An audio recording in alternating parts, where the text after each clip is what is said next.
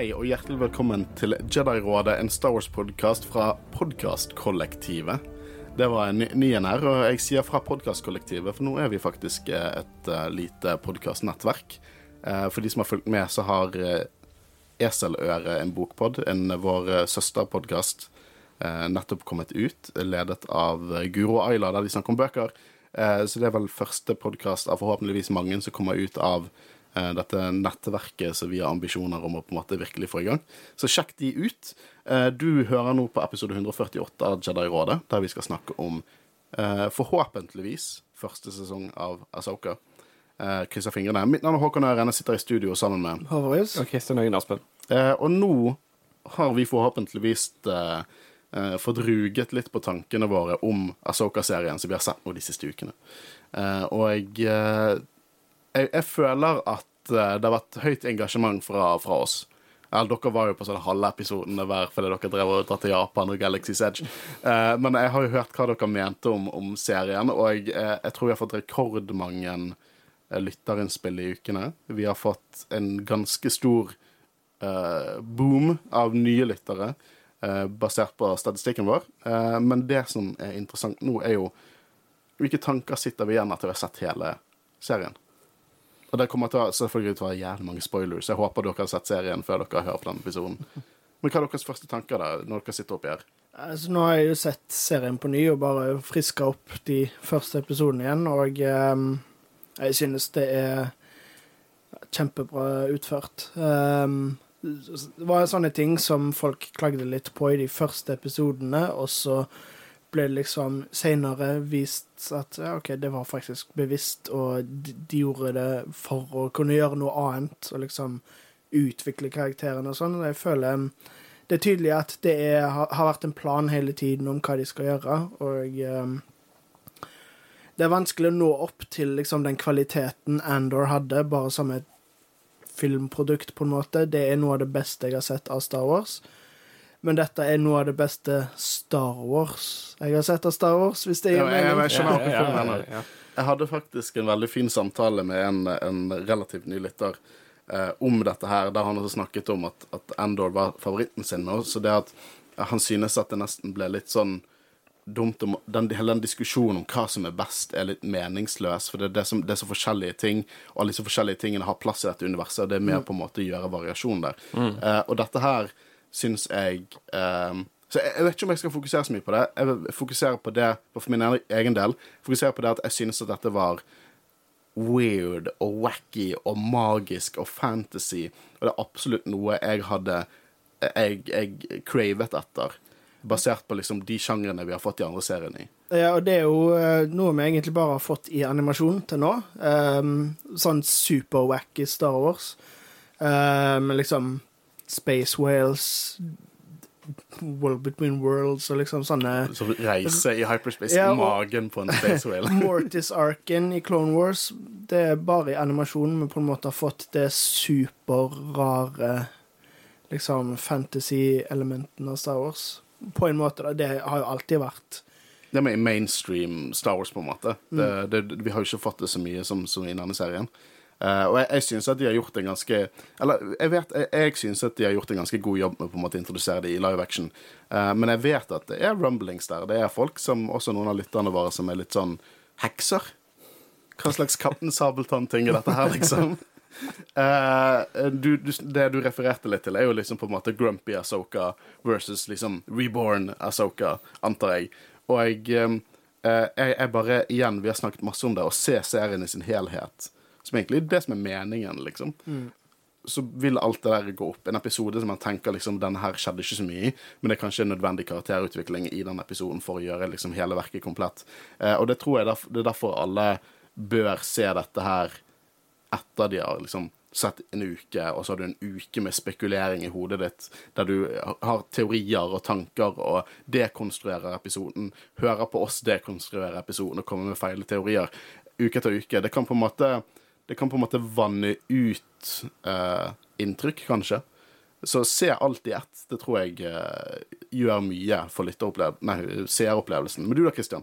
Hatet du dette? Nei, nei, nei, ikke i det hele tatt. Jeg er enig med alt dere sier. Eh, bare for å legge til noe, da, et, eh, hva dere har sagt, det er at jeg syns de eh, fire episodene eh, setter grunnlaget for serien veldig godt, før de bygger opp mot eh, Tron og det andre universet og dette greiene her. Så jeg syns egentlig helt fantastisk uh, gjort av Dave Filoni. Mm. Det har ikke noe Og alle de andre regissørene som alle de har eh, nå, nå var det igjen mobilen min. Det er Christian. Jeg Dette har vi snakket om, Håkon. Jeg vet det, jeg begynner å bli redd Christian hver gang det skjer. Uh, men uh, før vi hopper inn i det, så har jeg lyst til å, å ta at du, Håvard, skal ta oss med på en reise på sosiale medier. Jeg bare si at jeg føler det er lenge siden vi har hatt det i introen. Ja, jeg vet det, men det, nå var det så lang intro at jeg følte det var innafor. Ja, nei, altså Når det er nye Star Wars-ting, så er det jo alltid veldig gøy å høre innspill av dere lyttere. Og den eneste måten vi kan høre hva dere lyttere synes, er jo hvis dere sender det til oss på sosiale medier. Så det er jo en fordel hvis dere følger oss der. Så sjekk oss ut på Instagram og eh, Facebook og eh, TikTok og sånne ting. Skal, skal vi gjøre noe sprøtt, da? Altså, vi har allerede lovet i mange uker at hvis vi når 300 ratings på Spotify, vi har 250 nå, innen 2024, så kommer du til å gjøre noe crazy. Ja, jeg kan ikke bare si hva det crazy er, da. Bare- Jeg vet ikke det. Nei, nei, men la- oss si vi når 300 innen 2024. Ja, altså 31. Ja. desember. ja. Uh, så skal jeg ta skjegget. Åh, Nei, det får du ikke lov til. Er ikke det en god, har du god så liten tro på at vi kommer til å nå 300? liten tro? Nei. Jeg frykter jo for skjegget mitt nå. Ja, jeg er med på det. Du, du, Ja. Jeg vet at, eh, at en lytter har kalt på, eh, på iTunes, nei, Apple Podcast kalte oss de, eh, sine tre favoritt-skjeggete karer. Jeg er bare glad for at jeg ble inkludert i den. Men Ja, du har skjegg. ja, jeg har jo Jeg har, har quote unquote skjegg. Jeg har en fin liten goatee, det er det jeg har. Altså Dr. Strange-skjegg, det er det jeg har. Og dere har sånn Gimli og Kenobi-skjegg. Ja, men det er greit. Nå er vi 300 innen uh, slutten av året, så det tar jeg skjegget. Ja. 250 nå. 250 nå. Uh, Det verste er at det skal ikke mye til. At vi får 250? Nei, det, Nei, det, det er bare 50. Det er bare 50, Det er bare 50. Det er bare 50. Så hvis du, du hører på oss på Spotify og du har tenkt å har gitt dem en rating, gå inn og gi oss en rating. Eh, for det, vi har lyst til å barbere vekk skjegget til Christian og eh, donere det til en god sak. OK, mo- move on. Uansett, vi skal hoppe inn i sesong én av Asoka, der vi snakker først om karakterer.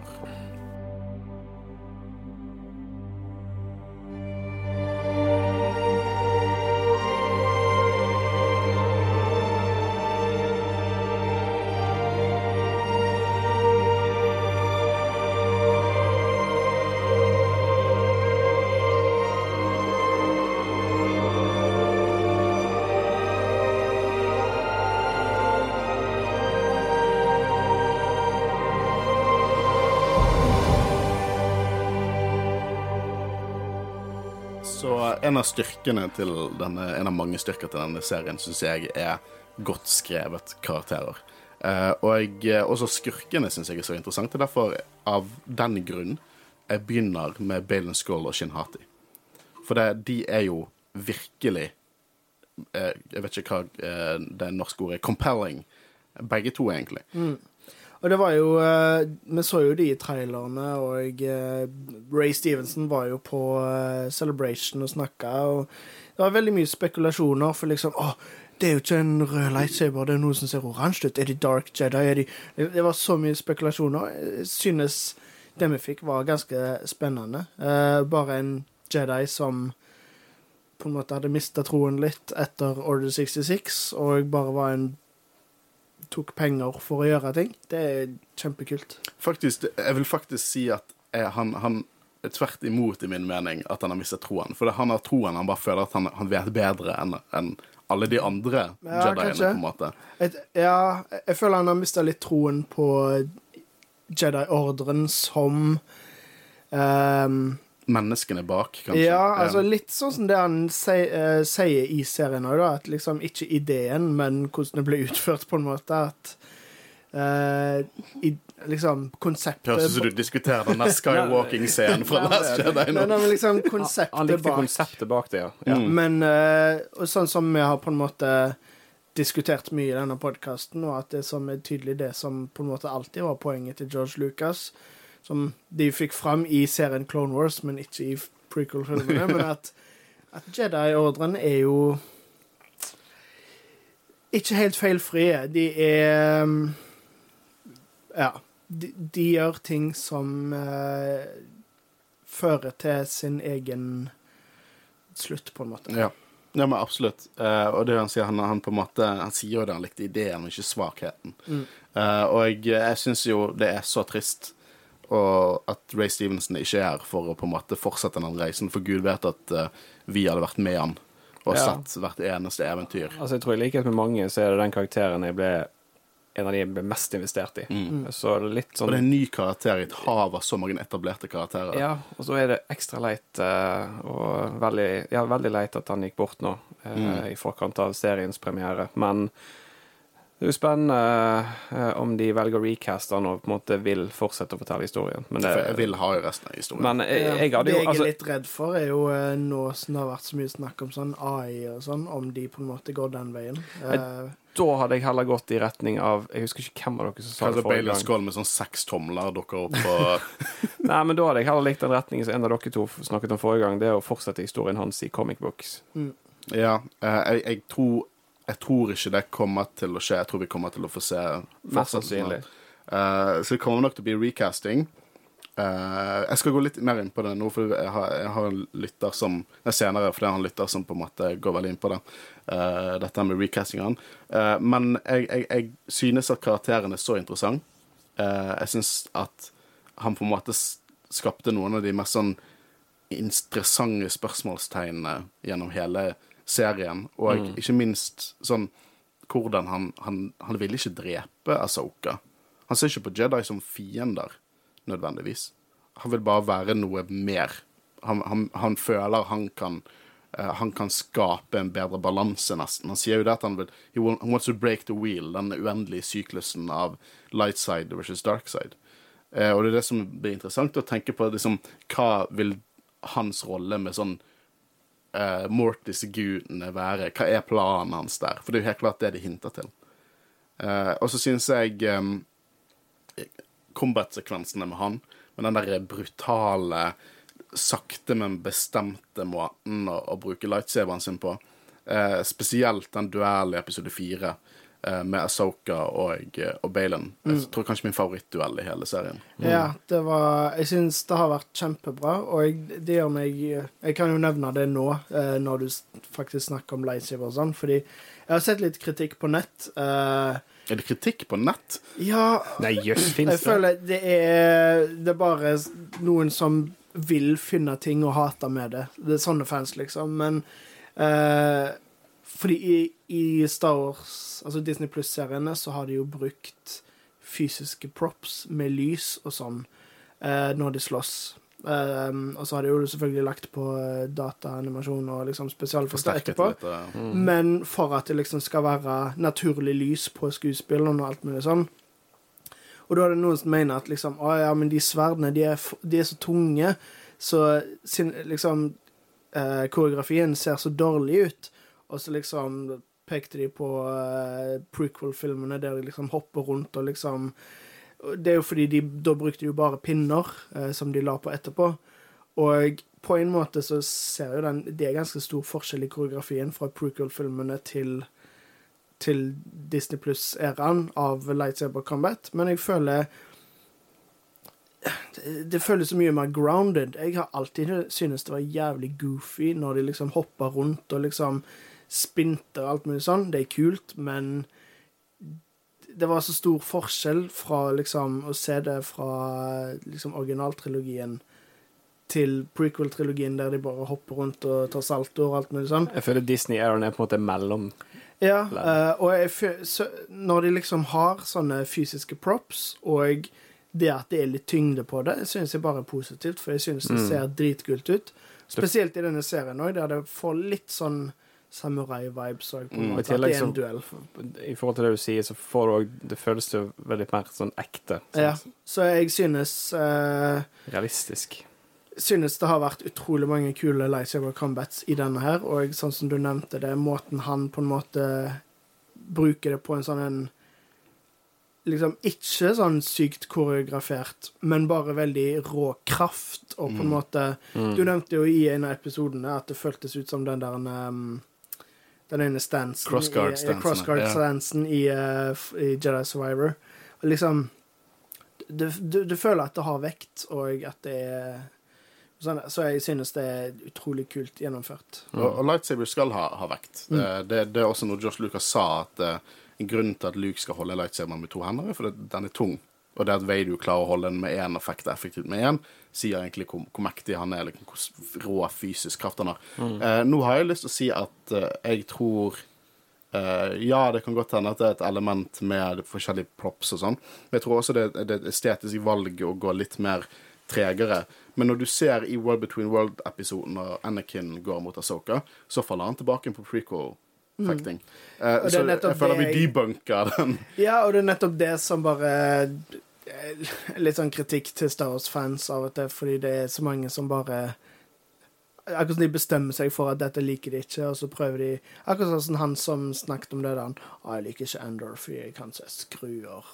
Liksom Og mursteiner da. Murstein. Man likte ikke skruen på racen som Ja. stav. Uh, men det er, det, vet du hva, det er liksom nesten blitt the name of the game. Jeg har sett folk på nettet eh, eh, kalle hverandre kjempestygge ting fordi de er uenige med hvilken shade av blå som er på klonetroppedraktene, liksom. Er det teal, eller er det mørkeblå, eller? Da, da, da drar du nå drar du han litt for Ja.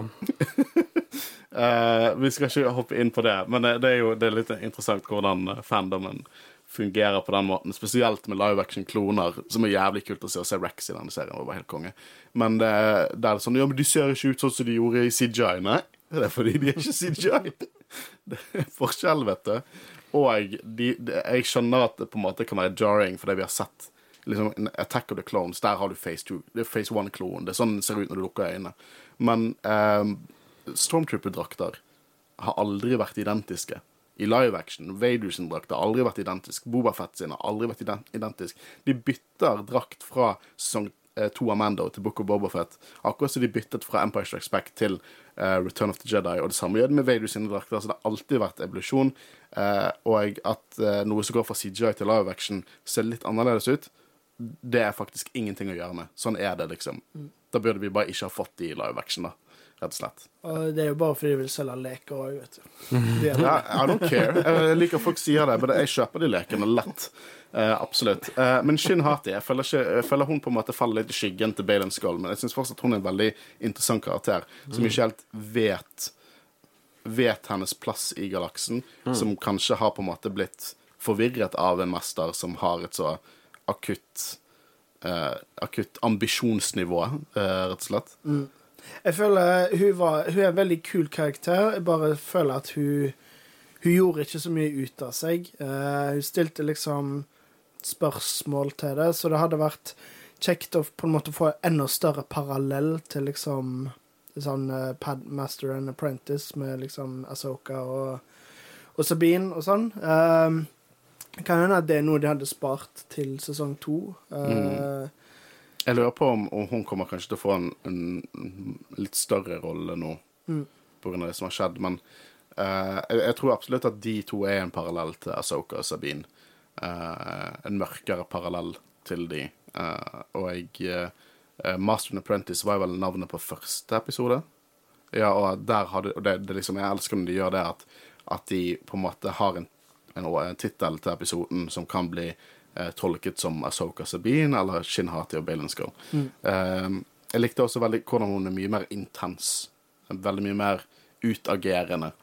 Mye mer dark side, egentlig, enn Ja, en han er. og det er jo litt med det at hun har jo på en måte Eneste opplæringen hun har jo fått, er jo av Balen. Hun tror jo hun er en Bukken Jedi, liksom. Mm.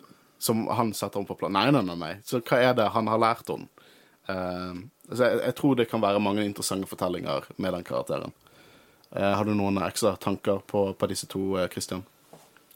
Nei. Nei. Eh, men da hopper vi inn i Asoka og Sabine, som er liksom hovedpersonene i denne serien. Eh, og vi har gått litt inn på det, da, eh, er jo det at mm, stor del av denne historien er jo på en måte å At Asoka skal på en måte kunne lære noe. Som er tricky å gjøre i en uh, karakter som på en måte har eksistert så lenge. Vi så jo hva som skjedde med Luke i Last Jedi, hvordan fandomen reagerte på, på det. Uh, men her er jo det Og du, du merker litt sånn Det var litt sånn murmurs av det samme her. Hvorfor er hun så sint og, og så uh, humørløs? Det, det var liksom Det var ikke Det var på en måte murstein av emotions. Og jeg føler det, og det snakket vi litt om tidligere nå, er absolutt meningen. Og vi kaller det at det var meningen. For det at når hun lærer å på en måte frarive seg fra skyggen til Vader og heller leve i skyggen til Anakin, eh, eller på en måte lyset til Anakin, eh, så ser vi Asoka komme fram. Og det var på en måte lærdommen hun skulle ha. For å ikke være, ikke være liksom consumed av frykt, som vi har sett Asoka være i lang tid. Eh, bare sånn i Mando sesong to, når hun ikke tørde å eh, trene Grogu. Bare fordi at hun så og det er attachment der. Hvis jeg har attachment, så kan jo det føre til at jeg går til helvete, eller de går til helvete. Og hun valgte å ikke trene Sabine fordi at hvis vi låste opp potensialet hennes, så kunne det være kjempefarlig.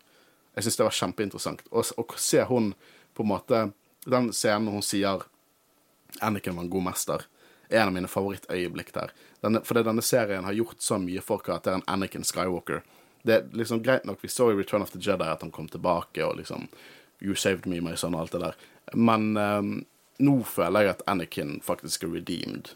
Nå føler jeg Anakin det, Ana, Vader er død, og Anakin lever. Mm. Og jeg føler denne serien òg har gjort det På en måte Det har jo vært veldig mye snakk om Return of the Jedi i slutten, i special edition, når de gjorde det om til Hayden istedenfor Sebastian Shaw. Sebastian Shaw, ja. Uh, og jeg har egentlig aldri vært fan av det, men det gir jo veldig stor mening, sånn egentlig. Og spesielt nå, når du ser Force Ghost, at det på en måte Det gir mening at han gikk tilbake til å være Anakin sist han var Anakin. Mm. Um, så ja, jeg syns det var kjempegøy å se Hayden igjen i denne serien, og uh... Han strålte, liksom. mm.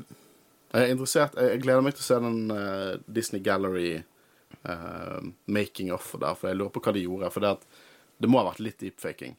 Sminke og deepfaking i en kombinasjon. I hvert fall han så dritbra ut, som han var dratt ut av precontrol-igjen. Det denne serien gjør, er jo det at som den kan retro, gi retroaktiv nytelse til special edition av Return of the Jedi, så syns jeg også den på en måte endelig åpnet opp potensialet til prequel-trilogien. Mm. Den på en måte i ettertid Jeg vet ikke hva jeg skal si. Den bare understrekte liksom, det gode i prequel-trilogien.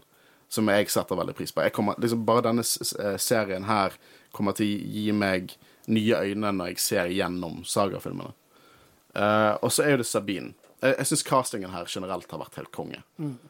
Uh, og spesielt med Sabine. Fra det første øyeblikket når hun dukker opp, uh, og hører på den der punk-Star Wars-musikken. helt konge. Ja, det er liksom både kroppsspråk og måten hun sier ting på. Uh, det er liksom Det er et par uh, liksom ganger der uh, jeg har tenkt liksom OK, den dialogen der var litt sånn shaky, på en måte, Mm. men generelt sett så har hun vært utrolig bra å bare få fram Sabine fra liksom eh, animasjonen i- inn i live action, så det har vært ja, Jeg syns det har vært kjempebra. Jeg syns castingen på alle har vært ganske bra. Altså, jeg altså, Hva heter han som spiller Astra? Uh, Ismadi, uh, tror jeg. Er det det han heter? Ja. altså, Når jeg ser han i de to siste episodene, så føler jeg at jeg ser Astra. Sammen Mm. med Sabine. Jeg, ser, jeg syns jeg ser Sabine. Sant? Jeg syns de har gjort en jævlig god jobb med å caste eh, skuespillere. Og, De må ha sett Rebels. Som opplæring. ja, jeg, dette, men det, liksom. det vil jeg tro alle skuespillerne har gjort. Liksom, de har sett Rebels på en måte Hvis ikke de har sett Rebels på forhånd, da, på en måte for å bli kjent med karakterene og hvordan de uh, er. Eh, og jeg syns alle gjør en utrolig god jobb på å gjennomføre det, og at eh, Transition på norsk. Ja, det bare det føles Altså, Overgangen er Overgangen til live action er egentlig eh, gjort på, en, gjort på en veldig god jobb. Ja, ja for det, det er, føles jo som Rebel sesong Ja. fem, eller Ja. sesong seks, hvis du hadde sagt det. Ja, eller sesong eh, syv. eller, ja, Ja. eller åtte. uh, men det er, det, er, det er absolutt Rebel sesong fem. På Ja, alle mulige måter. Det, det, ja, det er akkurat det. Uh, Så sømløse det heller gått an. Og jeg husker jeg var litt sånn skeptisk på Hera, men hun det, Jeg ble kjøpt fra første episode når jeg så henne. Hun har på en måte autoriteten. Hun har også det moderlige, som jeg syns er kanskje det viktigste med karakteren. Ja, og jeg syns Lars Mikkelsen tar Tron til live action på en ja, fryktelig og god måte. Ja, og eh, jeg liker også at det er direkte referanser til Throne fra bøkene, Ja. som har vært litt kritikk om Jo, at men det- Throne fra bøkene versus Throne fra Rebels har på en måte virket som karakterer med to ulike motivasjoner, men her på en måte merker man at liksom alt er canon, alt henger sammen. Ja, og du merker Og det er jo altså, Dave Filoni har jo vært i kontakt med eh, åh, forfatteren. Uh, Ja, forfatteren Timothy av Ja, sant. Uh, uh, angående overgangen Altså Tron inn i live action Mm. og sånt, og baserer seg litt på fra de bøkene. Så de har jo vært veldig De er er mye gjennomtenkt når de lagde denne serien her. Fy faen at vi lever i en verden der vi får se Throne i live action. Oh, ja. Men hvordan eh, traff Throne deg? For den karakteren er jo relativt ny i ditt minne. Uh, ja. Um, jeg visste jo på en måte ikke Det var jo en av grunnen til at jeg så Rebels rett før. Um, fordi eh, tidligere så har det jo vært en greie at liksom jeg ikke hadde sett Rebels før, og at det var gøy å på en måte oppleve det sammen for første gang med dere på podkasten. Men jeg måtte jo se det, fordi når det har vært så mye snakk om liksom Å, shit! Throne er tilbake! og jeg ikke ante hvorfor det var en stor greie. Um, så jeg, jeg, eh, jeg fikk jo veldig fort inntrykk av liksom OK, dette er ikke bare en vanlig Imperial offiser.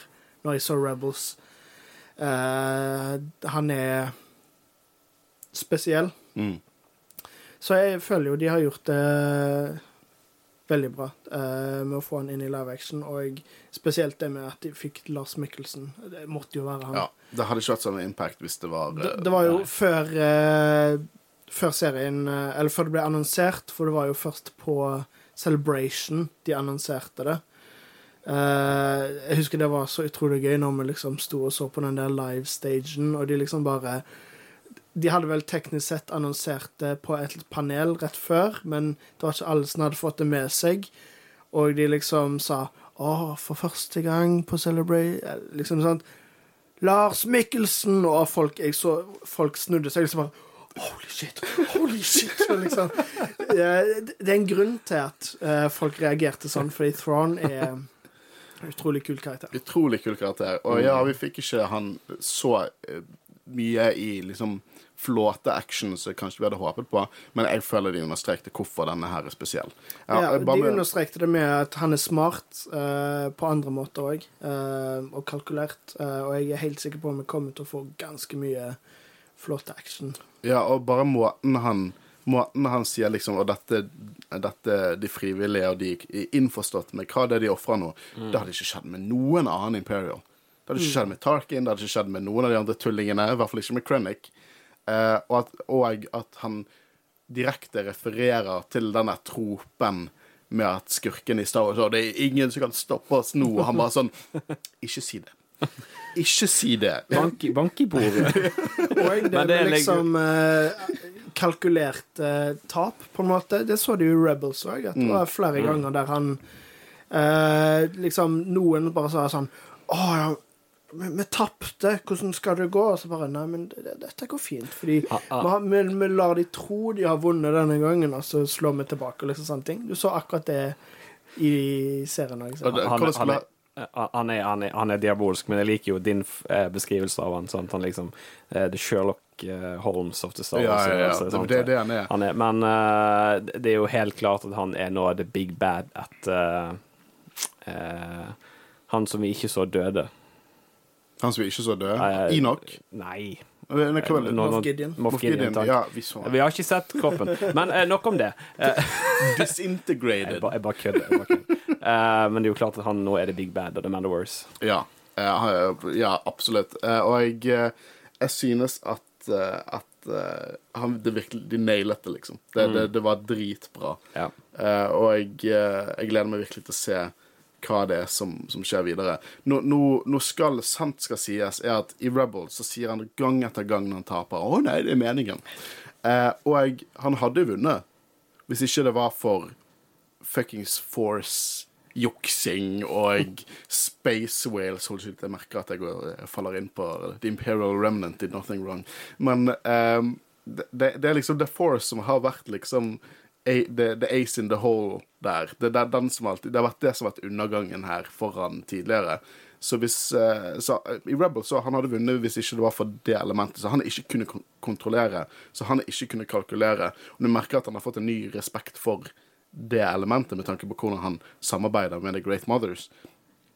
Uh, og Så, så det, det, kommer til å bli interessant å se hvordan han, han blir videre i, i, fortsettelsen på dette. her. Mm. Sånn, The Force for han er liksom, du husker det, Nå er det veldig lenge siden jeg spilte Call of Duty, så når jeg snakker Call of Duty, så snakker jeg også om Modern Warfare 2. Det er liksom, The Force er sånn som når du dør, og så bare slipper liket ditt en frag grenade. Det er liksom lille juks. Sånn, det var ikke du som kastet den frag grenaden, det var liket ditt som slapp det, sånn at du fikk den derre after death killet. Jeg snakker om Call of Duty for sånn elleve år siden. Så var sist gang jeg spilte Call of Duty. Uh, men vi kan snakke litt om Morgan Elspeth og uh, The Death Mary, for det overrasket meg hvor mye uh, Night Sister-jam det var i denne serien. Det, den så jeg ikke komme. Til og med når de begynte å snakke om at The Death Mary kommer fra Peridia, og så ser jeg tre Great Mothers som dratt ut fra Rebels. Jeg så den ikke komme, og det var dritfett. Men det var det vi håpet på, da? Veldig wacky? Ja, veldig wacky. Og jeg, jeg synes det var spesielt stilig element med, med denne sesongen. De, mm. de gjorde mm. mye for det. Og uh, litt sånn som du nevnte innledningsvis, at det var enkelte fans, og liksom til og med våre lyttere, som var litt sånn hekser. Men det er jo noe vi har sett før. Uh, Clone Wars, det er jo veldig mye sånn Altså, et veldig rar liksom, magic og alt mulig sånn. Det er utrolig kult å se det i, i live action, fordi det har vært en del av Star Wars i mange år. Og, uh, Når du sier det nå, liksom For en lytter sa jo noe Får ikke helt Star Wars-følelsen av Night Sisters. Åpenlys magi. Har alltid likt at The Force er litt mystisk og forbeholdt Jedi og Sith, men blir litt rart med hekser og magi, dessverre. Men ellers helt kongeserie. Uh, og Night Sisters har jo vært en del av Star Wars-universet i Legends, først med The Courtship of Princess Leia, 94-bok. uh, Retconnet inn i uh, Ewok-filmen, uh, med Night Sister i Ewok-filmen. Vi dekket den, ikke hør den episoden. Det er definitivt den dårligste episoden vi noen gang har laget. hvis, ja, hvis du har lyst til å ha noe sammenheng eh, basert på den filmen, se heller filmen enn å høre på oss. Ja, det, ja uff. Uh, men uh, det er liksom òg uh, designet på de er ubrukt Darth Maul-konsept. Det var Josh Lucas som ville ha Night Sisters inn i Clone Wars, eksempel, med datteren som designet litt den punk-viben som de har i, i Clone Wars. jeg bare Sånn Jeg forstår det. Jeg skjønner det kjempegodt at det føles weird og wacky ut, spesielt hvis Man skal ikke anta noe om, om hvordan lytteren ser hva Star Wars som de fokuserer på. Men hvis man ser filmene, liksom, og egentlig bare live action-seriene fram til nå, så kommer det til å føles helt alien ut. Det kommer til å føles helt weird ut, og ikke som Star Wars. Men tro du meg, det har vært en stor del av Star Wars i mange, mange år. Uh, og jeg uh, bare sånn, gå tilbake og se disse seriene. Uh, Clone Wars og Rebels. For det, det er de, de, de, syr det perfekt inn i Star Wars-mytologien. Mm. Og til og med um, Fallen Order Uh, ja. Der er det jo på Dathomir, uh, mm. som er den planeten um, Thrawn uh, og de Great Mothers dro til i slutten av uh, Asoka. og der òg får du veldig bra innblikk i liksom Night Sister Magic og liksom Hvis du synes det var veldig rart liksom, ah, men Zombie Stormtroopers, det har vi sett før. Mm. Ikke Stormtroopers, men du har sett Uh, at de har brukt magic til å liksom reanimate corpses, da. Ja, sånn døde Night Sisters ligger i sånne kjøtt sånn cocoons, ja. liksom. Uh, og det er jo i Fallen Order, når du må bare springe fra alle de, det er ekkelt. ja, det er skikkelig horror. Uh, og faktisk i Courtship of Princess Leia, den Legends-boken, så er det, en, uh, det er etter uh, originaltrilogien, så en Imperial Warlord lager base på Deathamere i samarbeid med Night Sisters. Så det er her er det Legends uh, inspirerer Cannon igjen. Um, men uh, Morgan Elspeth, da, jeg syns at det var kult at hun fikk litt mer dybde. Liksom, jeg, jeg, liksom, den karakteren, er helt ærlig, jeg er liksom take it or leave it. Hennes største rolle i denne serien var å være en idiot rundt Throne, liksom. Hva mener du? Det var Hvorfor sender ikke du flere? Jeg skjønner ingenting. Det var det hennes rolle for Throne var. Hun fikk en badass avslutning, da. Uh, men jeg syns det er veldig gøy at hun helt klart har um, sine andre ambisjoner enn liksom Empire Returned. Hun har Dathomir Returned, tror jeg, i hennes i, i øynene. Spesielt når hun hvisker for Dathomir før døden hennes. Um, jeg syns bare hele Night Sister-elementet i denne serien var bare konge. Og, og jeg, jeg, føler også det at når hun Jeg gleder meg til å se Mando igjen, den episoden av Soka dukker opp der, med litt mer kontekst bak Morgan Elspeth. Mm. For jeg følte, jeg følte liksom ikke det var så mye til karakteren. Hun var en sånn one and done bad guy i Mando sesong to, og nå har hun mer dybde, som alltid gøy. Eh, og Hera, da. Hun overrasket meg mye. Igjen fordi at jeg var Jeg, jeg er veldig glad i, i eh, Mary Elizabeth Winstead. Mm -hmm. Jeg, synes, jeg alltid likt henne. Eh, I Tenk Cloverfield Lane og Scott Pilgrim og alt det der. Alltid synes at hun var kjempe eh, interessant skuespiller og flink skuespiller. Men jeg kjøpte ikke henne helt som, som Hera. Eh, men her, ja. Og beste Twi'leken jeg har sett. Men Book of Bobafett og Asoka har virkelig nailet designet på Twilix. liksom. Det ser ikke ut som kostymer, og det ser ut som eh, grønne mennesker med store tentakler på hodet. Men hva synes du om Hera? Jeg vet at du er stor fan eh, av, av denne adaptasjonen. Ja da, nei, jeg syns egentlig hun spilte Hera ganske bra, og igjen, dette her med overgang til live action, så syns jeg det egentlig er godt gjort med henne òg. Mm. Jeg, jeg føler jeg ser her. Hun er en moderlig figur som på en måte støtter alle. Spiller litt lett og løst med rangen sin. Ja. Mm. ja hun, hun, er litt for chill som general. Hun er en rebel. Hun er en rebel. Og den scenen den, den, var så bra når de sier 'once a rebel, always a rebel'. Jeg synes jeg var kjempeskeptisk på den i traileren, for det føltes litt sånn der eh, Veldig trailerøyeblikk. Ja, det føles som i den traileren til Rogue One. Det, og det, den, dette klippet ble kuttet vekk fra filmen. Bare sånn You're rebels, aren't you? I rebel. det føltes litt som den. Ja, jeg husker den traileren. Men uh, ja, jeg òg synes uh, de gjorde det veldig bra. Um, og det som på en måte føltes annerledes ut, føler jeg gir litt mening òg. På akkurat samme måte som Asoka og Sabine, at de er samme karakter som i, i, i animasjonen, men de har utvikla seg. Fordi Jason, sønnen til Hera og eh, Kane Jarrus Hvor gammel tror vi han er her? Sånn 10-11-ish, kanskje? 12? Uh, eh, ja uh, Så det betyr jo at det er Si ti, da. Det, mm. Da har det gått ti år siden uh, Rebels slutta. Det er mye som har skjedd. Det har vært en uh, galaktisk civil war. de har mista mange folk. Uh, de har mista venner. Det er liksom Det er en annen tid, eh, og de har blitt mer voksne. Jeg glemmer jo ut at liksom Sabine hun var 19 år eller noe sånt nå i Rebels, og Hera var bare sånn 26. De er blitt mer voksne nå, eh, og har utvikla seg, så jeg føler at de forskjellene fra animasjon til live action, de gir mening, fordi mm. de er ikke samme karakterer som de var. Men de er allikevel de samme, hvis det gir mm. mening. Helt, helt enig.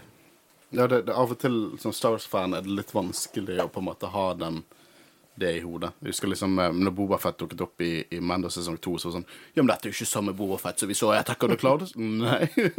og du kan ikke si det er ikke samme Bobafett som vi så i, i Empire Strikes Back, for da sa han faen meg nesten ingenting. Uh, men det er litt sånn man, man, på en måte har disse mentale bildene av karakterene, og ofte tenker man ikke liksom hva har skjedd mellom disse årene. Um, når du nevnte Jason, jeg likte også hvor stor rolle han hadde. Mm. Jeg skulle hatt uh, en scene med han og, og Ezra. Jeg er nesten litt irritert men, for at vi ikke fikk det, men Men, men på mange måter så føler jeg at sesong to kommer Jeg ser for meg at de bygger på at Ezra tar på seg Jason som apprentice. Ja, jeg håper det. Det, det, det er noe jeg ser for meg kunne skje. Det, det, føles som Og det kommer til å være et så nydelig øyeblikk i tillegg. Igjen, men begynn rett etter. Begynn rett etter, etter han gikk av den shuttle i Stormtrooper Armor som en helt idiotisk ting å gjøre. Hvor vi hell... Det, Men det er en veldig Estra-ting å gjøre. Det er veldig ja. Estra-ting. Det er helt riktig. Det er det. Uh, jeg, jeg kan unnskylde for karakteren er litt idiotete i det, men, men god damn it, that's so fucking stupid. Og det, det er nesten litt sånn Dere, dere kunne hatt den revealen ved at han hadde tatt av seg hjelmen, så du så liksom kroppen til en stormtrooper komme ned til Ezra. Da, da hadde jeg unnskyldt det, men han kommer ned dit, så går han bort til dem med full stormtrooper-garb, kledd i gull og rød. Liksom, What the fuck, man? Egentlig så skulle jo bare denne serien blitt avsluttet med at han ble skutt i hodet. Og så sånn, å faen, det var Ezra. Men jeg likte at Jason hadde en større rolle. Jeg håper eh, at fortsettelsen gir oss eh, For jeg har lyst til å se han møte han første gang. Jeg har ikke lyst til å hoppe til Å, hold lightsaberen din bedre, Jason. OK, mester Ezra. Uh, jeg, jeg, vil, jeg vil ha den scenen. Jeg vil ha første gang Ezra møter Seb igjen. Jeg trenger den scenen, altså.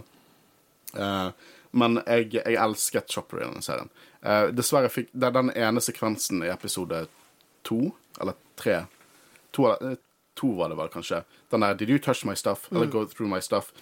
Det var bare perfekt. Det var perfekt Chopper i, i, i live action. Og jeg tror jeg liker han bedre når han er CJI, for da er han litt mer sånn animated med armene sine. Ja, akkurat det savna jeg litt, for han følte i, i, Spesielt i animasjon så er han så livlig. Han, han springer rundt, og liksom måten han beveger seg på, og bruker armene Det jeg, jeg tror det var Var det Guro som var gjest når vi snakket om det? Det, Jeg husker ikke eller Marius. Eh, men i hvert fall at når eh, Jason i den ene episoden gjemte seg bak, at hadde det vært i animasjon, så hadde Chopper liksom tatt ut armene og liksom sett truende ut. på en måte. Og eh, Det var litt sånne små detaljer jeg savna litt, og det gir mening siden han var en fysisk prop mye av tiden. Og jeg, jeg synes det er veldig gøy når det er fysiske props. Um, drøyder. Um, du, men han, han er så emotive, han er så livlig i, i animasjon, at det kommer ikke helt fram. Jeg vil ha en sekvens, en stor slagsekvens, der han ruller på mellom hjulet sitt og har to blastere. Ja. Og sier sånn der! Mens han ruller bort. Eh, jeg trenger det. Um, vi har gått gjennom mange av de mest merkbare karakterene. Shout-out til Mon uh, Mothma, syns jeg. Alltid gøy når hun dukker opp. Og jeg, hun på en måte knytter universet litt sammen med Andor, som er et veldig annen type serie enn dette her. Eh, men Og C3PO, som for en gangs skyld ikke bare var irriterende. ja, perfekt eh, måte å inkludere Leia på. Ja, jeg, sy ja, jeg syns det på en måte de, de gjør det på en veldig god måte, akkurat det der. Ja. Og det, til og med hvis Carrie Fisher hadde vært levende, så tror jeg det, hadde jeg også syntes at dette var en perfekt måte å inkludere henne på. Ja. Vi trenger liksom ikke alle disse cameoene hele tiden. I hvert fall ikke i en serie som er så fullstappet av fan-beloved characters, liksom. Eh, jeg har lyst til å snakke om Marrock, eh, eh, aka Ezra, aka Kanan, aka klonen til Ezra, aka alle de gale fanteoriene. Kanskje han var Snoke? Hvem vet? Uh, jeg synes alt jeg vil si om han, er at han var en jævlig kul henchman. Designet til å være en henchman. Uh, jeg ser folk si at han gjorde jo ingenting. Han gjorde plenty som en henchman. Eh, som er akkurat det han var. Eh, og definitivt den kuleste designede inquisitoren i live action. Hjelmer, people. Hjelmer er undervurdert. Hjelmer og kapper. Hjelmer og kapper. There we go. Hvis hjelmer og kapper var i dagens politikk. Men òg, han eh, var der òg for å på en måte hva skal jeg si, soften the blow med Death eh, Nei, ikke Death Night- Trooper Night liksom, Trooperne, ja. Night Trooperne, men liksom uh, Fordi det var tydelig at han Om han var en zombie på liksom Siden han kunne snakke, men det var definitivt noe nice Jeg tror det var sånn. Savage Press-opplegg. Mm. Uh, absolutt. Uh, men ja, jeg synes han, han, det var utrolig mye kule sekvenser med han. Han har fortjent en plass i Hot Toys-skapet mitt. Uh, og jeg um, Ja. eh, vi ser ikke han igjen. Nei. Eh, men da har vi gått litt gjennom karakterer, så etter den lille pausen skal vi hoppe inn i, i litt sånn mytologiske paralleller i denne serien.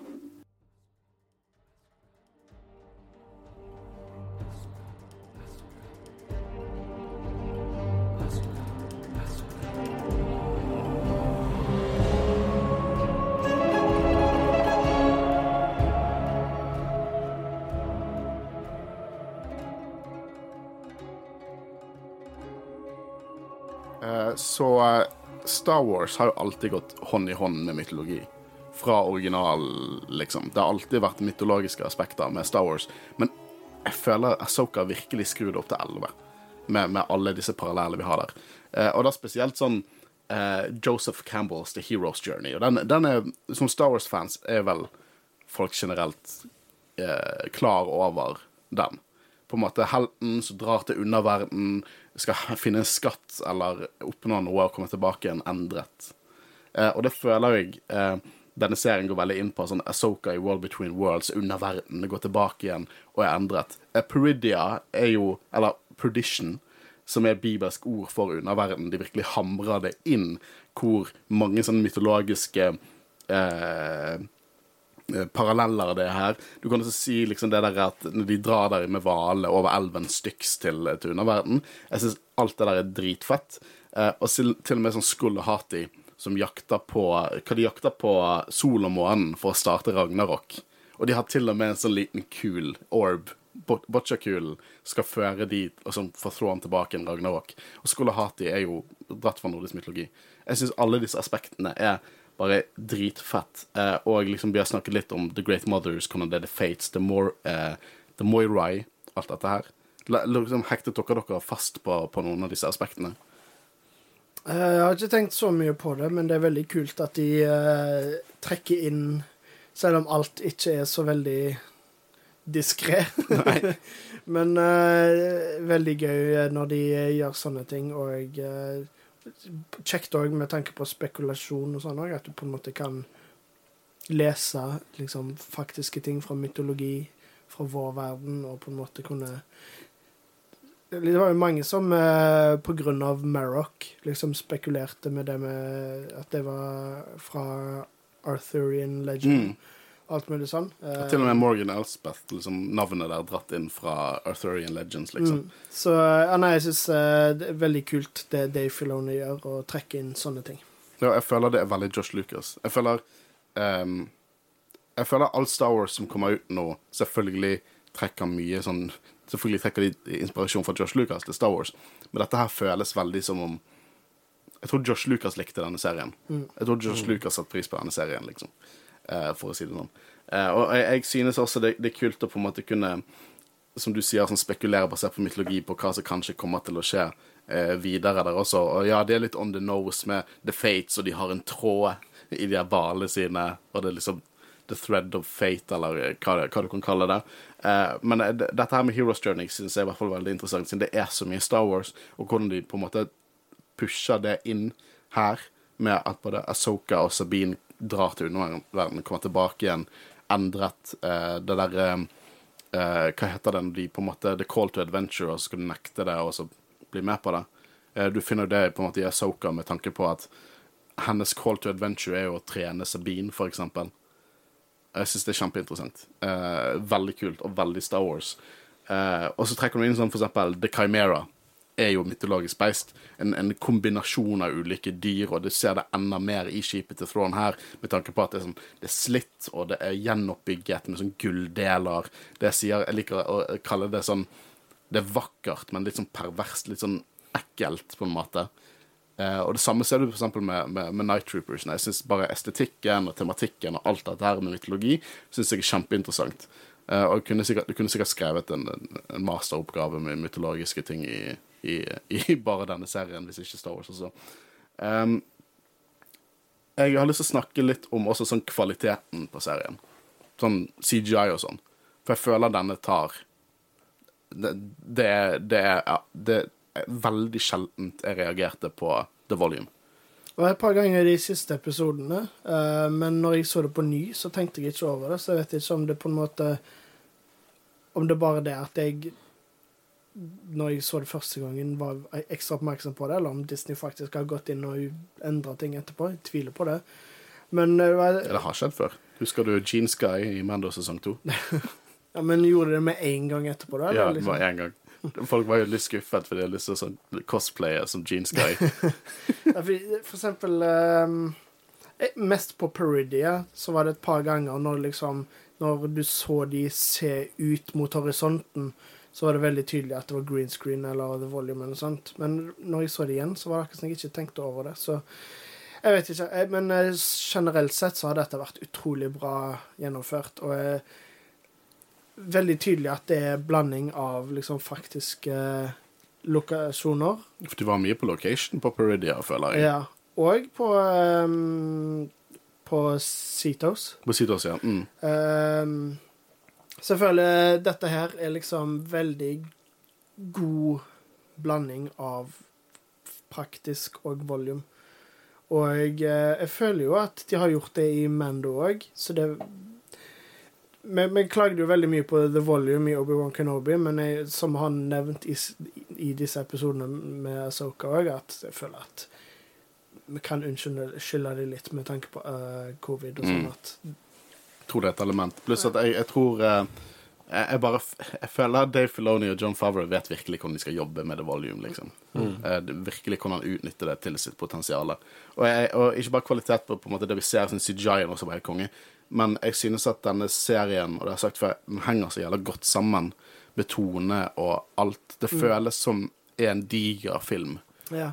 Og det tror jeg òg hjelper litt med at ehm, Nå vet jeg ikke helt hvordan prosessen har vært, uh, fordi ofte så er det jo på en måte I en serie så har de jo eh, et writing room, writers room, der en hel haug med forfattere liksom eh, finner ut hva de skal gjøre, og sånn, og så er det liksom OK, men da tar du hovedansvaret og skriver denne episoden, og da er det de som får written by. Og så er neste episode Ja, men da tar du den, og da er det de som får written by, på en måte. Men at alle er involvert. Men alle episodene i denne serien er skrevet av eh, Dave Filoni. Um, så det kan godt hende at uh, det også har vært en sånn writers room her, at det er flere som på en måte har vært involvert. Men han har på en måte vært den krediterte writeren på alle episodene. Så det gjør jo at når det er han som har gjort alt, så får det en ekstra sammenheng i forhold til når det er forskjellige forfattere som skriver. Så selv om liksom det, det at det er forskjellige forfattere, ikke burde ha noe å si, fordi når det er sånn et writer's room eh, Writer's room, writer's room Jeg føler jeg har sagt det så mye. Men, eh, du, fordi du får jo en sammenheng da, men jeg føler at ekstra mye når Dave Filoni har stått bak absolutt Mm. alt. Det tror jeg har vært veldig hands on også. For det, du ser jo det forskjellige right, det, det er ofte John Favreau som har skrevet Mandalorian, men du ser også det veldig forskjellig tone basert på hvem som har regissert. For det kan hende hvor mye, hvor mye frihet regissørene får. Jeg tror de får mye frihet i Mando til på en måte gjøre det til sitt eget. Eh, Men at det føles mer hands on Dave Filoni sitt barn. Eh, Og passende er nå det, syns jeg. Um, nå er jo det 1000 øyeblikk her eh, som bare er veldig merkverdige og verdt å snakke om. Men har dere noen favorittepisoder? Jeg har eh, Ja, definitivt. Eh, jeg tror jeg nevnte det når den episoden kom ut òg, at eh, det var en, noe av det beste jeg hadde sett fra live action Star Wars i Disney-æraen. Men det er Shadow Warrior. Ja. Den, den episoden der med World Between Worlds og Clone Wars flashback og sånn. Jeg synes det er en helt perfekt episode. Jeg så den igjen i går, før vi spilte inn, bare for å få se den på ny, liksom. Det er en uh, Jeg ser for meg at det er en episode som mange går tilbake igjen og kun ser den. liksom. Det er Og den har et av mine favorittøyeblikk. uh, liksom Når det går fra at liksom Anniken sier ja, du har fortsatt mye å lære, og så tar han Eller liksom, jeg har ikke lært vekk alt, eller sånt, og så skjærer han vekk uh, den der broen de er på i Wall Between Worlds, og så faller Asoka. Og så liksom Med en gang hun reiste seg opp, så så jeg liksom OK, dette er en ung Asoka. Og liksom bare det øyeblikket når det går fra liksom voksen Asoka til en ung Asoka fra Clone Wars-tiden. Kjempekult øyeblikk. Du da, Christian? Jeg er egentlig på samme episoden. Uh, og så er Heidin igjen var konge. Ja, det er bare så utrolig mange forskjellige øyeblikk i denne episoden som bare virkelig er så blitt ikonisk allerede nå. Ja. Uh, Jeg syns det var helt fantastisk. Uh, Og jeg tror nok Jeg tror nok kanskje det er, det er vanskelig å si. Jeg tror nok det er en av de beste episodene i denne serien, ja. Men jeg synes, episode seks, for min del, når, de, for, for, når Thrawn inn på den mest dope ass baller swag, liksom mic drop-måten, eh, kom til, eh, til og viste seg til eh, Baylon og Morgan Elsbeth og Shin Hati.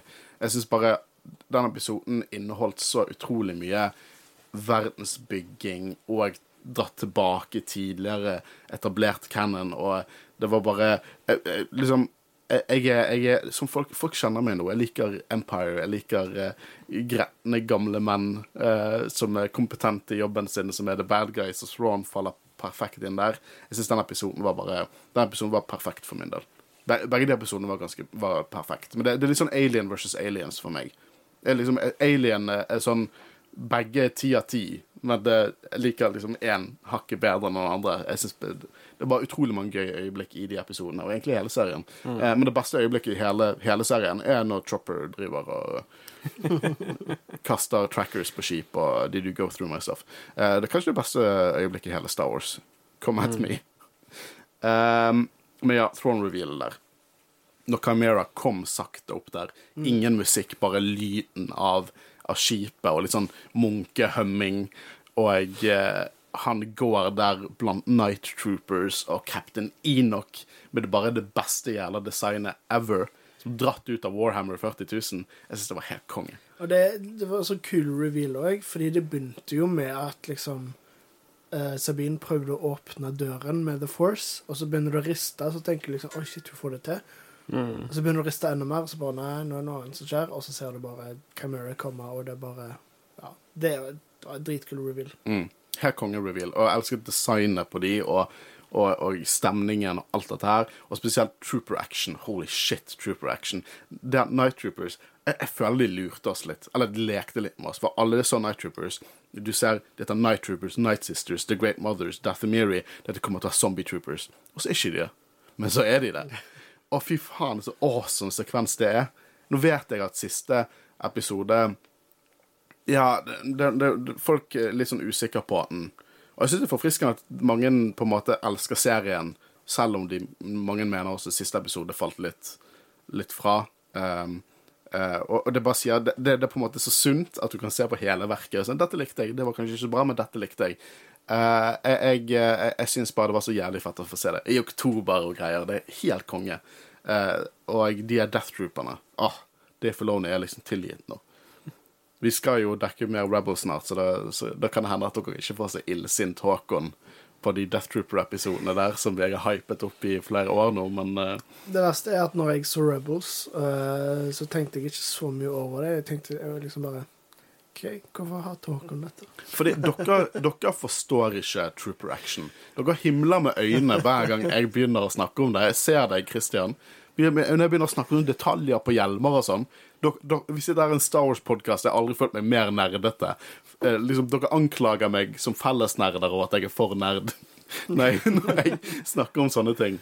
Eh, men også Night Sister Magic syns jeg også var helt konge. Og, og er, kanskje noen av de beste settene med lightsaber-dueller eh, jeg har sett i live action på en god stund. Um, og det er ikke bare sånn Jeg synes sånn lightsaber-dueller i, i Kenobi var dritfete, men de var kuttet til helvete, syns jeg.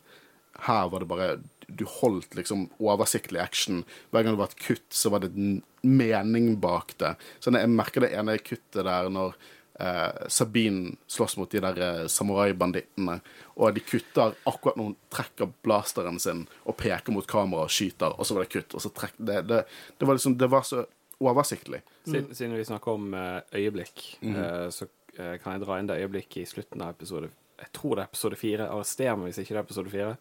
Eh, når eh, eh, Asoka eh, og Huyang skal dra til det andre universet. Episode fem. Episode fem, ja. Unnskyld. Bra. Uh, når de er inne i Space Whalen, Purgil, uh, og uh, Hera sier 'May the force be with you'. Det øyeblikket der minte meg så veldig om Empire Strikes Back-øyeblikket mm. i slutten. Når, når Chewie og Lando. Chewie og Louie. Chewie og Louie. Det er en gammel Husker dere det, altså? Chewie og Louie. Men i hvert fall det øyeblikket når de skal We'll find them, liksom. Altså, ja. det, nå skal Soka finne Estra og Akkurat den følelsen, den stemningen, ja. Ja, for akkurat den sånn følelsen. Med, med hele den sekvensen der syns jeg, som jeg sa da, kompromissløst Star Wars. Ja. Det er bare Det er Star Wars sånn Det er goofy. Det, det, liksom, det, det tar seg ikke seriøst, men det tror på seg sjøl. Magien og og, og, følelsene som hele den sekvensen mm. uh, gir, er bare Det er så Star Wars at det er umulig å ikke like det. Mm. Jeg syns det er helt konge. Spesielt når du ser alle X-Wing-pilotene som ser på Purgle som flyger. Eh, det kan hende jeg må ta tilbake igjen. Jeg tror jeg må si episode fem.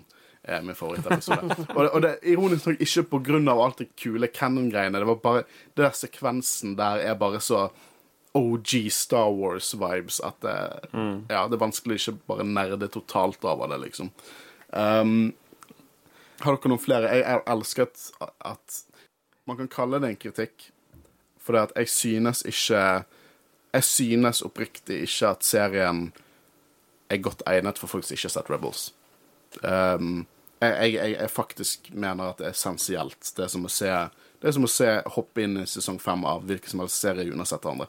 Uh, føler jeg. Uh, så jeg uh, Du kan se på det som kritikk, men for min egen del I don't fucking care, for jeg har sett Rebels. Uh, så jeg elsket alle referansene der. Jeg elsket hvor sømløst det gikk fra Rebels til live action. Jeg, det, jeg syns det det er et, en styrke i serien, for min egen jo- subjektive men del. Det er jo derfor vi også kaller det Rebel sesong fem.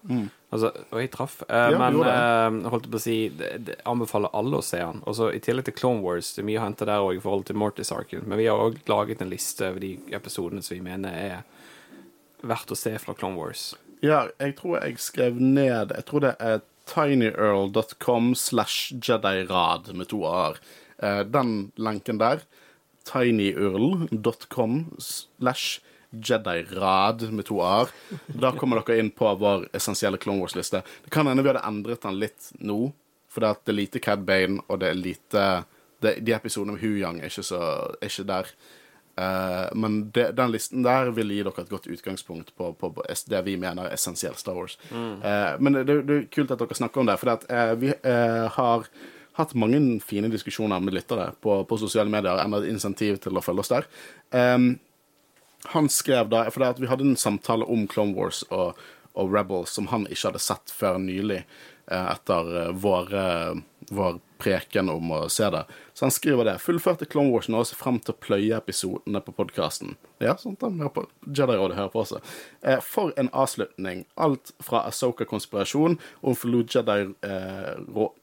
Jedi-ordren ga meg gåsehud, og Order 66-scenen var helt vanvittig. Tanker til etterspill. Jeg synes serieavslutningen speilte episode 3 med samme følelse av fine scener med reunion til Anakin og Asoka som Anakin og Kenobi idet Kenobi forlater Anakin for siste gang for å ta Grievous. Fine scener hvor vi egentlig vet at ting går til helvete snart, og spent på episodene nå. Uh, jeg har fått med meg litt av character arken til Asoka som nevnt tidligere, men det har vært så mye bedre enn jeg trodde. Hun, hun er en ny favoritt. Jeg setter pris på Asoka Mandalorian, men følte hun ble valgt som et potensial i historien, og kanskje Asoka-serien var videre hype på Mandalorian, men alt ble brått mye dypere for meg nå. Rebels er en manglende brikke, skulle kanskje pløyd alt før Asoka. Nå begynner jeg på episode én av Rebels, selv om, selv om fremdeles fordøyer hva jeg nettopp har gjennomgått. Så den lytteren fikk jo betraktelig mer av Asoka-serien fordi at han gikk gjennom Clone Wars.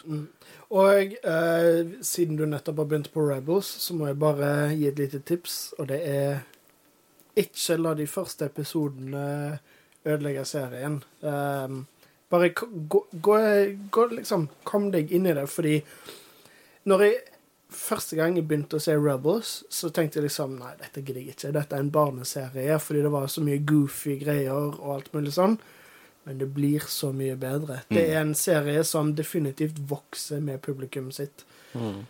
Det tror jeg vi har nevnt mange ganger, men det er liksom Det, det, det begynner som en litt sånn light-hearted eh, barneserie om en, en eh, gruppe med rebels, og så blir det så mye mer. Så eh, ja.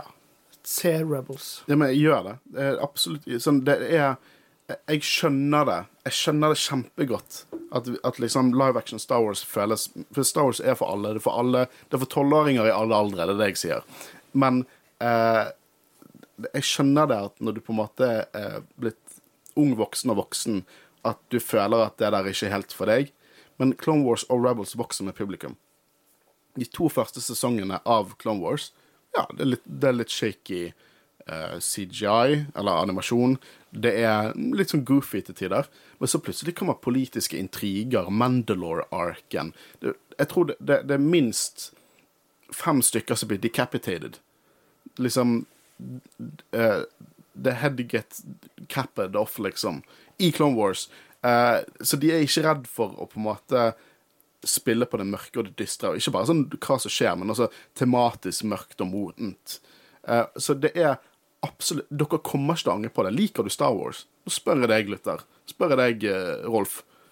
Liker du Star Wars og har ikke sett Clone Wars og Rebels, så kommer du til å like Clone Wars og Rebels. Bare, bare, bare stol på meg. Jeg lover dere. Og det kommer til å gjøre at neste gang du setter deg ned og ser Asoka, Uh, enten du synes at Night Sister-magicen var litt for voldsom, eller at du egentlig ikke brydde deg noe særlig om disse karakterene. Gå tilbake og se det. Og så ser du Asoka på nytt igjen. Så kan jeg love deg, det er en annen serie. Det er en annen serie for dere. da. For da vet dere. Da har dere kontekst. Og ja, den største kritikken jeg kan gi til Asoka, er at den krever kontekst. Men gå og skaff dere den konteksten, for det er dritbra. Mm. Og jeg, jeg var jo litt redd for at det kom til å bli at de skjøt seg litt i foten med å gjøre det på den måten. Men det virker jo bare som at flere og flere begynner å oppdage Rebels og Clone Wars. Er bare positivt. For det, man skal ikke undervurdere Clone Wars. Um, du har mange generasjoner av Star Wars-fans. Var de som vokste opp med originaltrilogien. Det er de som vokste opp med prequel-trilogien. Men det er også de som vokste opp med Clone Wars. Som setter det like høyt som originaltrilogien og prequel-trilogien. Like høyt. Det er like viktig element i æraen av Star Wars. Når Disney kjøpte Star Wars, så purget de alt. De beholdte originaltrilogien, prequel-trilogien, og de beholdte Clone Wars. De så på det som essensiell Star Wars, og det er essensiell Star Wars. Så seriøst, gå og se det. Jeg vet at det, det, det på en måte føles litt effort, er syv sesonger og sånn. Seriøst, du trenger ikke se alt. Følg listen vår, tinyworld.com slash jedirad. Kjempegod URL. Og bare, bare se det, og kos dere. Og, og hold ut. Det er dritbra. Uh, det siste jeg har lyst til å snakke om, før vi hopper litt inn i, i, i uh, noen av lytterinnspillene våre, er veien videre.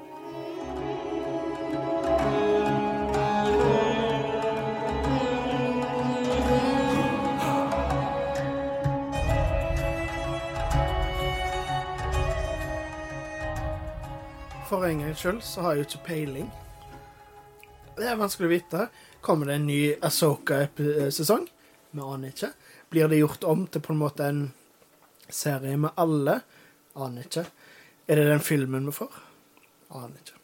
Og det er gøy. Veldig Det var, ve det var veldig lydbok eh, av, av deg. Det.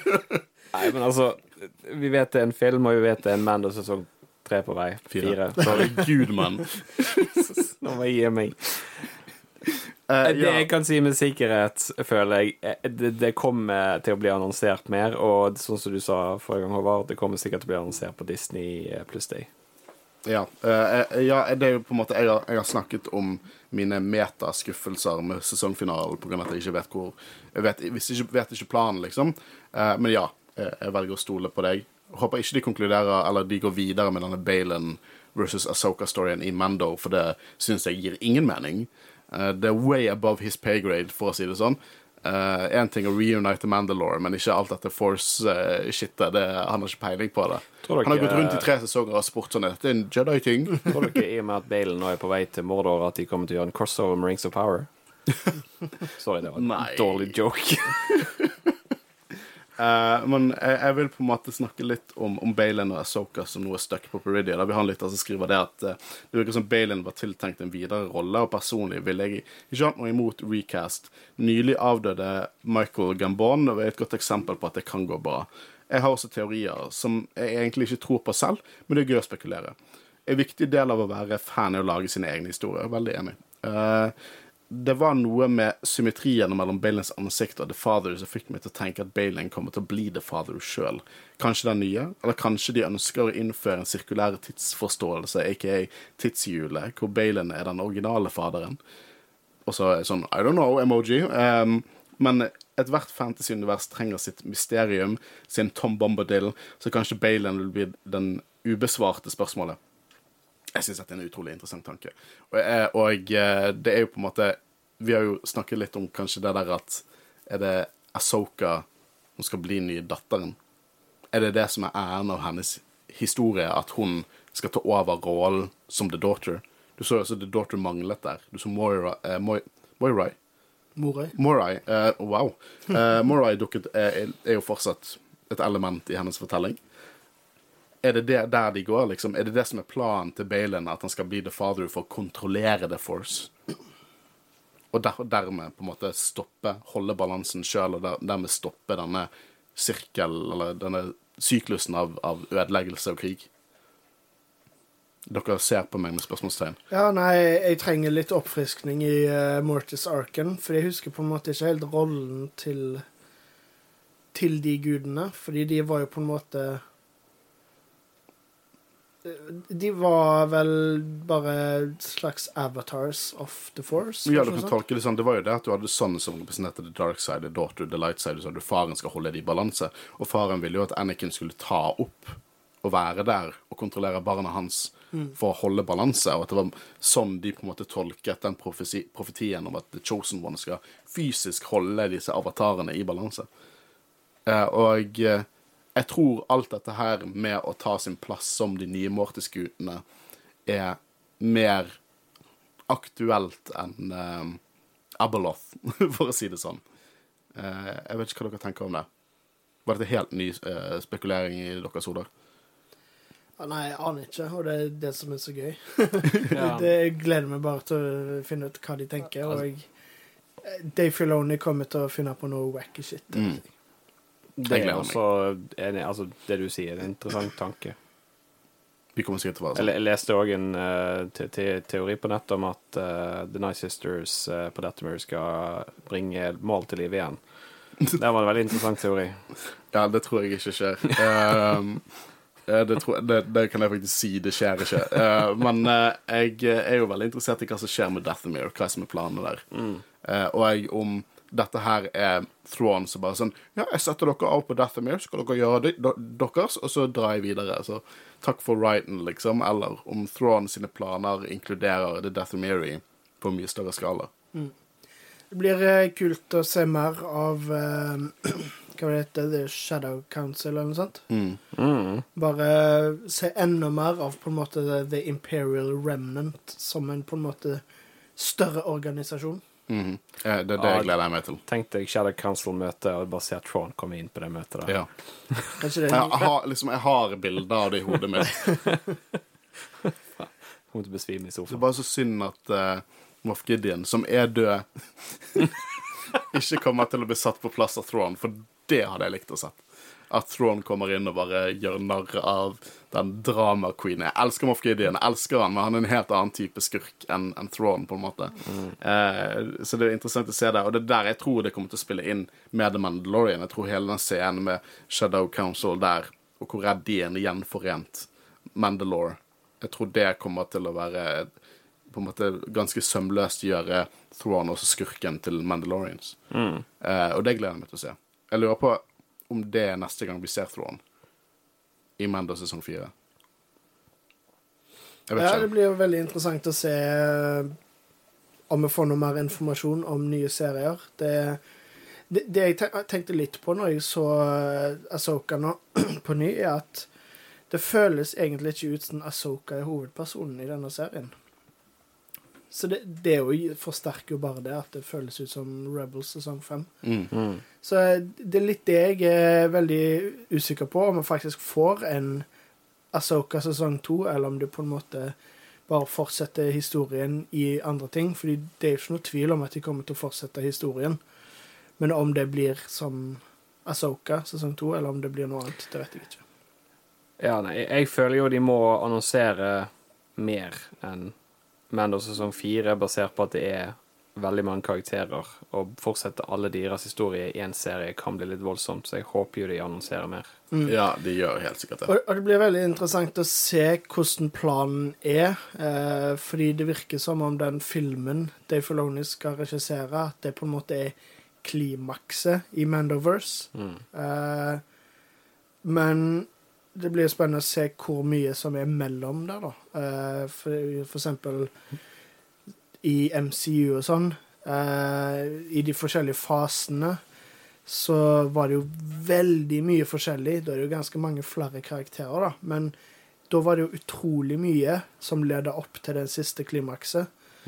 eh, i de forskjellige fasene. Så det blir jo interessant å se om de gjør det på samme måte, eller om det ikke blir like stort. på en måte. Jeg er i hvert fall veldig spennende. Vi kommer sikkert til å pushe 40 når vi ser denne filmen. Ja, liksom, eh, den filmen kommer til å release i 2030 eller noe. Det, det hadde faen ikke overrasket meg heller. Det er helt sikkert det er mulig. Vi kommer til å være nærmere 40 enn 30 når det skjer. Forhåpentligvis sitter vi i et større studio da. Eh, men ehm, jeg vet ikke om dere har noe annen spank spankulering. Nei. Eh, da tenker jeg at eh, vi skal høre litt hva lytterne våre har å si på dette her.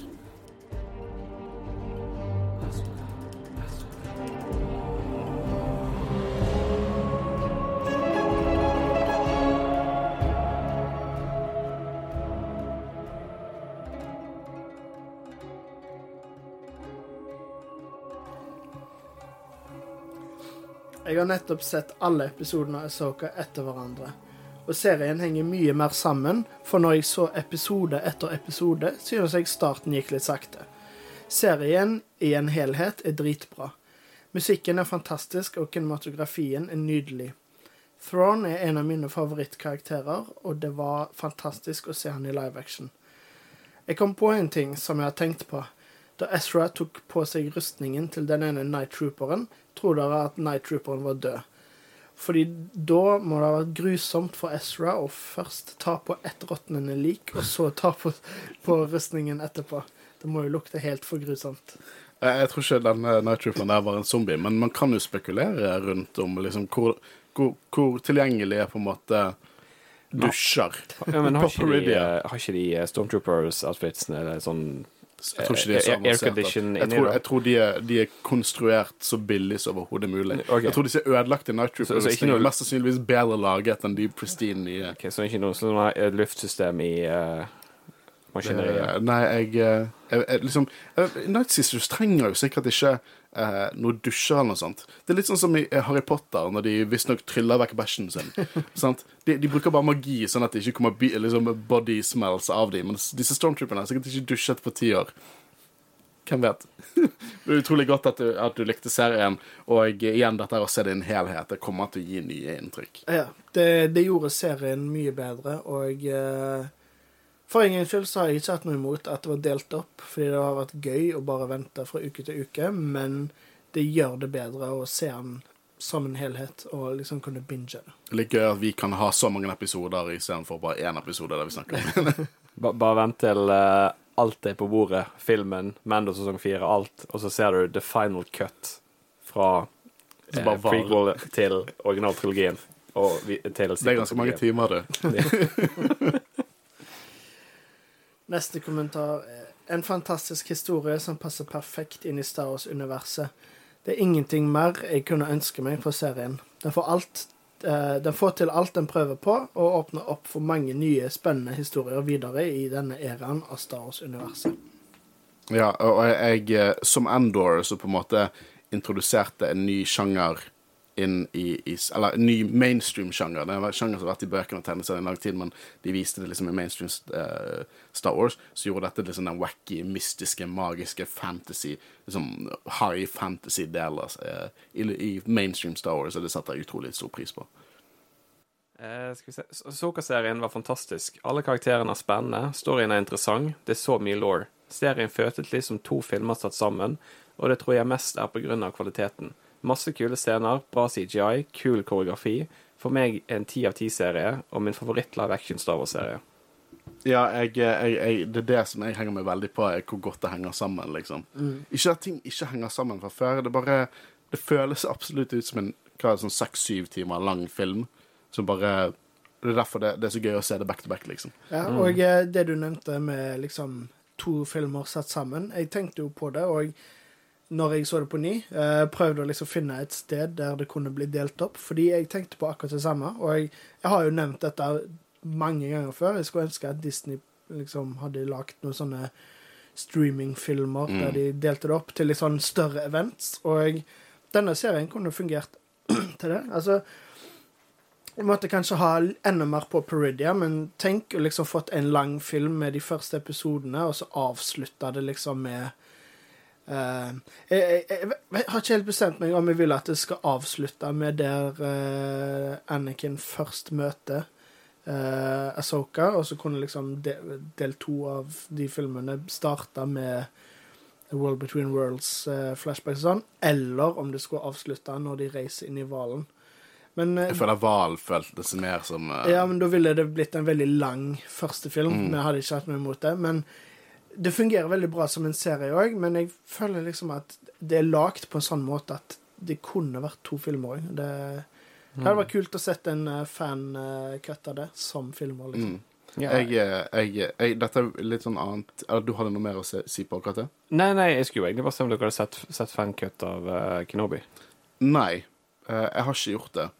Men det er litt sånn fordi at jeg, jeg, jeg, jeg likte jo veldig godt Kenobi. Jeg føler at fancutten på en måte eh, Arrester meg hvis jeg tar feil, men den på en måte ekskluderte mye av det Reva-greiene. Jeg, jeg likte jo det der med Reva, så jeg følte liksom det var ikke noe vits i for meg å, å se det. Er sånn annet, eh, Det var noe med denne kommentaren som fikk meg til å tenke på det. Jeg elsker. Jeg er ikke så fan av hvordan de navngir seriene sine. Asoka, Obi-Wan. Ja, jeg, jeg har tenkt litt på det, at det, det er ikke så veldig originalt. Og det tenkte jeg òg når jeg ser liksom eh, eh, Marvel-serien òg. Det er bare sånn eh, Den første som faktisk har hatt en eh, litt kul tittel, det var Secret Invasion, og den serien var drit. Men alle andre er sånn Loki, Miss Marvel, Captain America and the Winter liksom, Nei, uh, eh, Falcon and the Winter Soldier, og liksom sånne ting. Det, det er ikke så originale navn. Det er sånn, men det er sånn der metagreie. Det, det, det er fordi at det selger. Det, det, det, det er på en måte Folk vet hva de går til. Jeg hadde egentlig ønsket at, at denne Asoka-serien het sånn eh, Star Wars Rebels sesong fem. Nei, at det bare het sånn Star Wars og uh, Far Far Away. I don't know. Mm. Noe, bare at det het noe Det, det er cheesy Saturday uh, morning cartoon-vibene som, eh, som jeg syns også Attack of the Clones er den beste Star Wars-tittelen.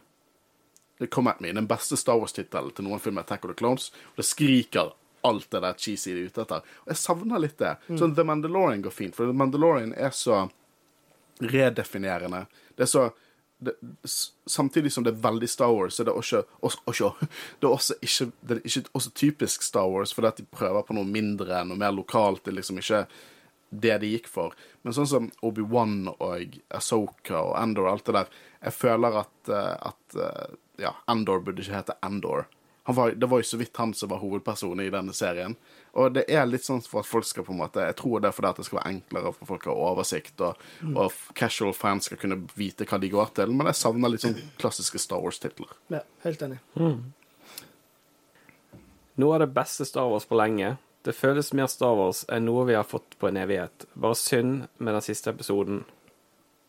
Ja, jeg antar at han føler den veldig sikkert litt rushed, eh, sånn som jeg har sett andre har, eh, har eh, tenkt da.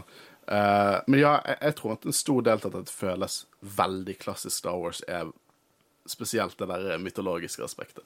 Og Heroes Journey og alt dette her. Eh, Og spesielt at de trekker inn prequel-greier med, med Anakin og World Between Worlds. Jeg tror det, det hjalp veldig mye på den klassiske Star Wars-viben i, i, i denne serien. Totalt. Ble så pissed av at de ikke brukte Tron Team. Tusen sinte emojis og en lei seg. Står det i parentes. Ja, når jeg skal skrive altså, Som regel så leser ikke dere opp emojis, og denne her var det veldig viktig for stemningen at du leste opp emojis. Eh, de spilte jo litt Throne Theme, men de pushet ikke det hardt nok. Så på slutten der, når han kom til Deathamere, hvorfor kicket de ikke i gang eh, Throne-themet? Hva, hva tenkte du på der, The Kiners? Liksom de, dere, dere, dere vet folk er excited over Throne-theme. Hvorfor bruker ikke dere det? Det kan jo hende at de sparer det, og nå fikk jeg akkurat en, eh, en liten teori med tanke på det med Liksom det med Star Wars-titler og sånn. Hva om den neste serien blir Star Wars Throne? Det hadde jeg sagt. Uh, uironisk, det høres. Jeg har frysninger på ryggen min Og Hvis de hadde annonsert uh, Beklager nå hvis lyden Hva med- hva med- Star Wars The Return of Tron? Ja, det, det er jo det det egentlig burde hete. Men ja, Star Wars Throne, det hadde jeg, eh, det hadde jeg sett. Men nå er du uh, The Acolyte er jo, syns jeg, er en kul tittel. Ja, ja. Skeleton Crew òg. Men da går jo de for litt mer nye ting, da. Eh, ikke etablerte karakterer, som også er veldig interessant. Um, men eh, du har vel eh, en til? eller? Jeg har en til, ja. Skulle vært 24 episoder, og serien burde hete Rebels, og hver episode burde være to timer. Det, det, du jeg, jeg, jeg liker tanken, men jeg tror det hadde vært bit too much. Jeg vet ikke om jeg Ja, Men, det, men jeg, jeg, jeg er med deg. Jeg hadde elsket mer minutter i episoden, altså. Herregud, det hadde vært Det høres litt slitsomt ut fra en podkastperspektiv. Det må jeg si. Men eh, ja, han vil ha mer, helt klart. Eller hun vil ha mer. Alle vil ha mer. Ja. Eh, men ja, tusen takk for at dere sender inn til oss. Det, det har vært alltid gøy.